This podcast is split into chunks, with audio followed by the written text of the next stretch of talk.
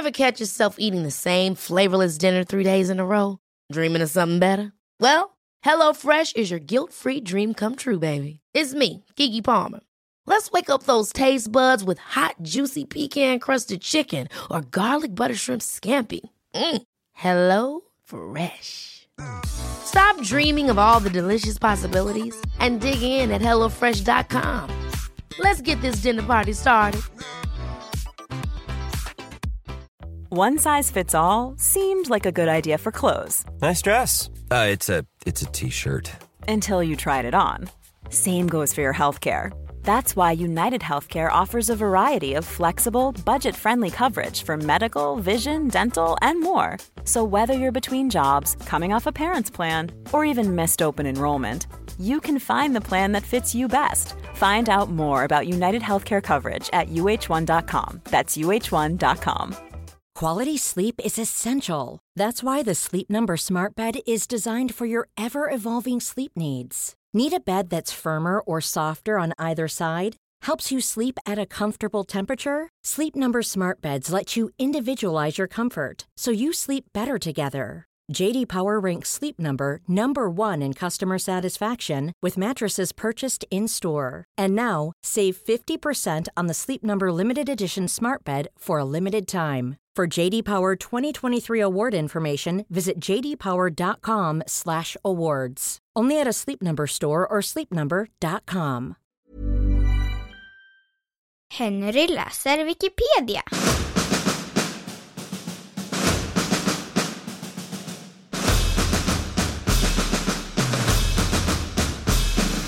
Pesten i Sverige 1710 till 1713.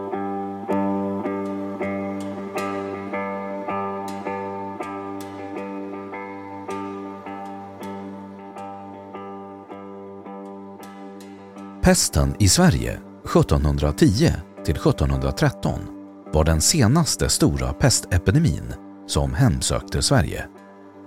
Pesten kom med båt till Sverige från Livland och Finland men var samma bakteriestam som härjade under digerdöden i Sverige. Livland är en historisk region i Baltikum som störst omfattade nuvarande Lettland och Estland. Inom svensk historieskrivning syftar namnet dock oftare på södra hälften av Estland och norra hälften av Lettland.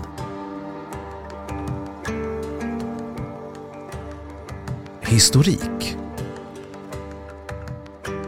I maj 1710 utbröt pesten i Riga och sedan kom turen till Reval, nuvarande Tallinn. En svensk överstelöjtnant som anlände dit med förstärkningsmanskap under belägningen av Reval berättade hur citat, ”de döde i myckenhet lågo på gatorna samt i husen med en stor orenlighet överallt, så att sjukdomen därav ej ringa tillväxande tog.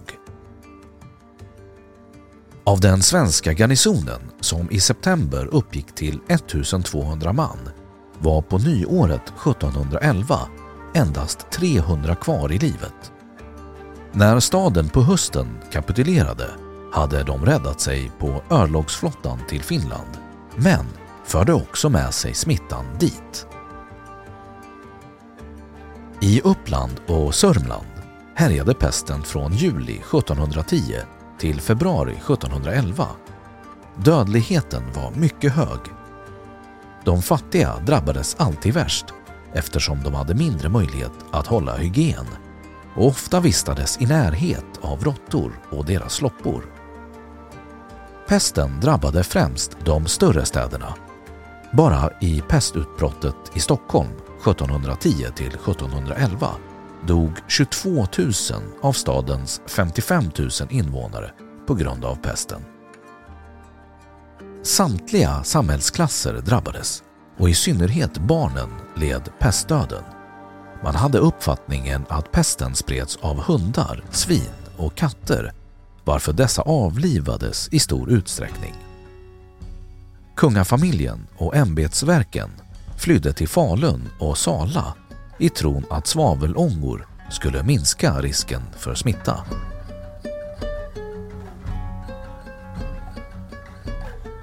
Stockholm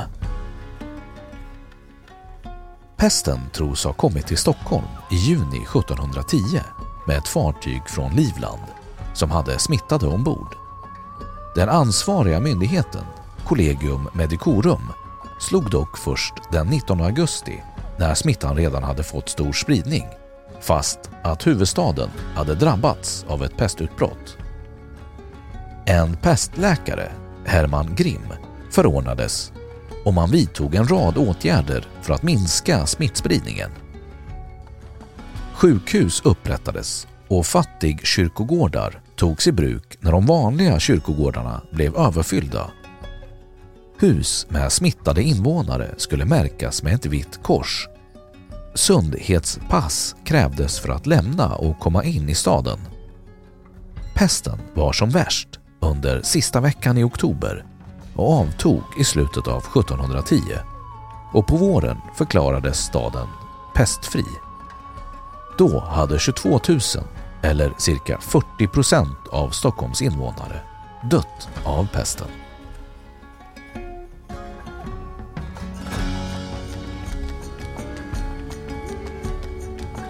Resten av landet från Stockholm utbredde sig pesten snabbt åt olika håll. Med fartyg och båtar fördes den till städer och gårdar i både Roslagen och Mälardalen. Det har exempelvis antagits att den som bar skulden för att smittan kom till Västerås var en skeppare som trotsat förbudet att medföra passagerare utan sundhetspass från Stockholm.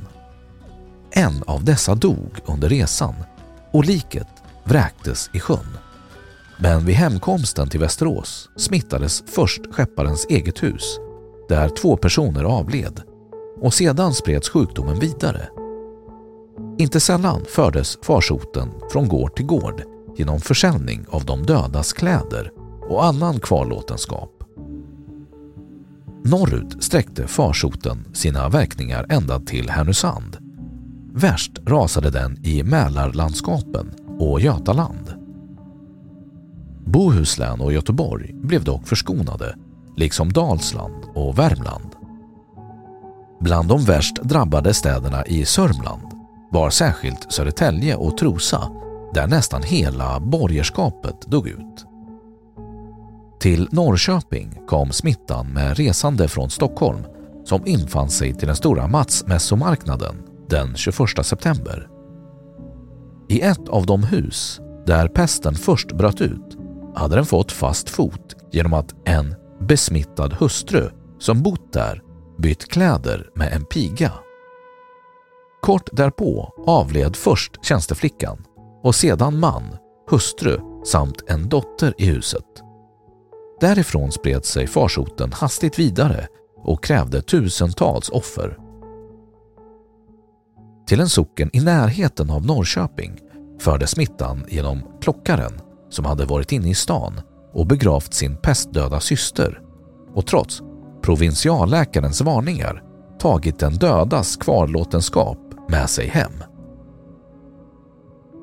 Förhållandevis värst hemsökt bland Östergötlands städer tycks Skänninge ha varit, där 500 personer av 700 avled i pest.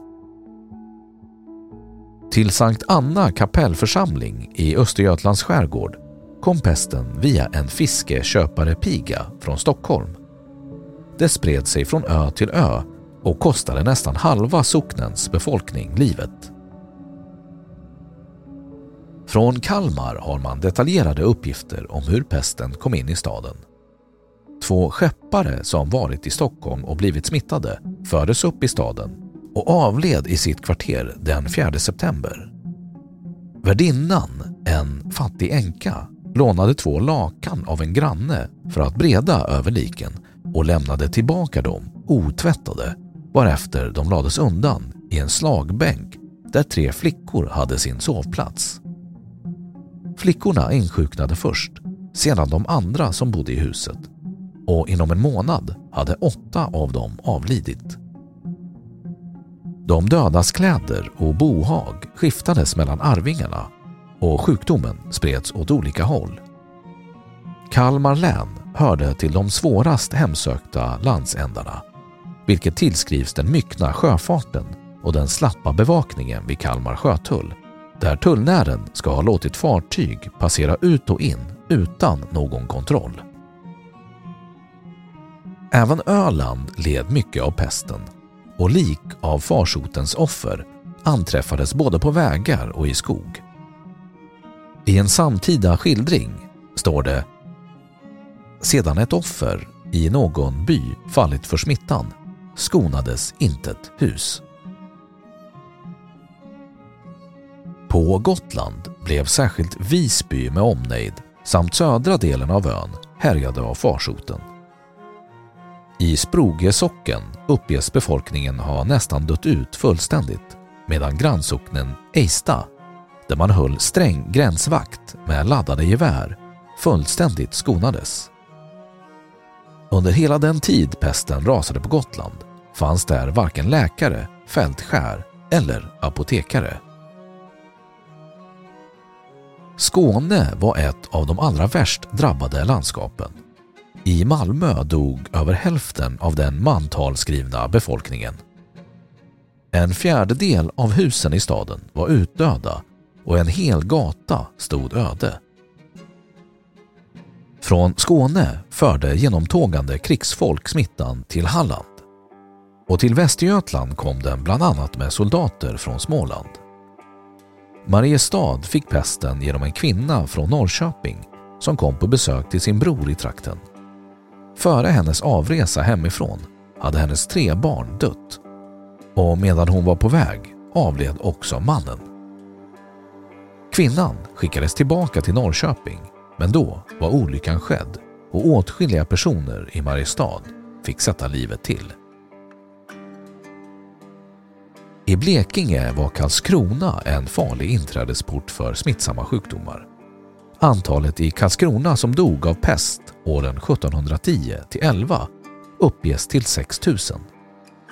Tillfälliga begravningsplatser anordnades på Aspö och Vämö Dåvarande kastellpredikanten på Kungsholmen och Drottningskär, Petrus Vestelius, antecknade i kastellens kyrkobok så här. I detta herrans år 1710 äro av mig på Aspö kyrkogård begravda 2125 döda, utom alla dem som blev nedlagda i tvenne långa gravar, tre lik i bredd, utan kistor och i sina dödkläder. Vad Blekinge i dess helhet beträffar tycks folkmängden genom pesten ha minskat med en tredjedel. Om farsotens ankomst till Hudiksvall har kyrkoherden Olof Broman antecknat så här. Sist ute i september månad kom skutorna hit hem från Stockholm. Då och pesten infördes i Hudiksvall. Den första som dog var drängen Johannes hos Hammerman som låg allenast en dag sjuk. Därnäst en piga som bar upp hampa av farkosten. Därnäst jungfru C. Lind som gick in att märka svepkläder på bemälte dräng, etc. etc. Ut i Virta och Forsa socken dödde sju personer, allt i sänder. Hela huset ödelades.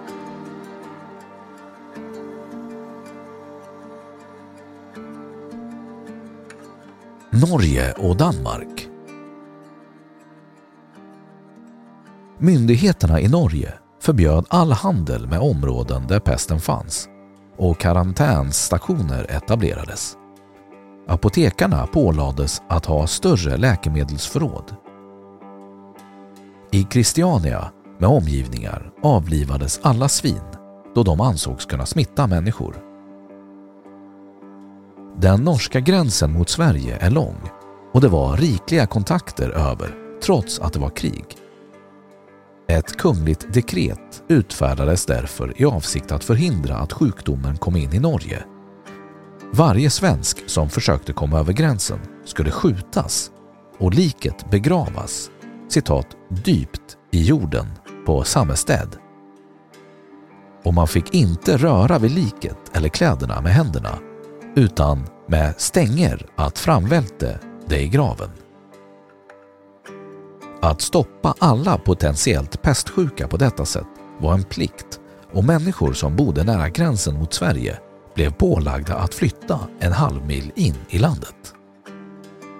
Det var drastiska tilltag, men de bidrog till att pestepidemin i unionen Danmark-Norge begränsades till Köpenhamn och Helsingör och den norska befolkningen slapp undan. Själland drabbades dock mycket hårt. Pesten började där med att en passagerare från Stockholm som rest på holländskt skepp steg i land i Helsingör den 26 september 1710.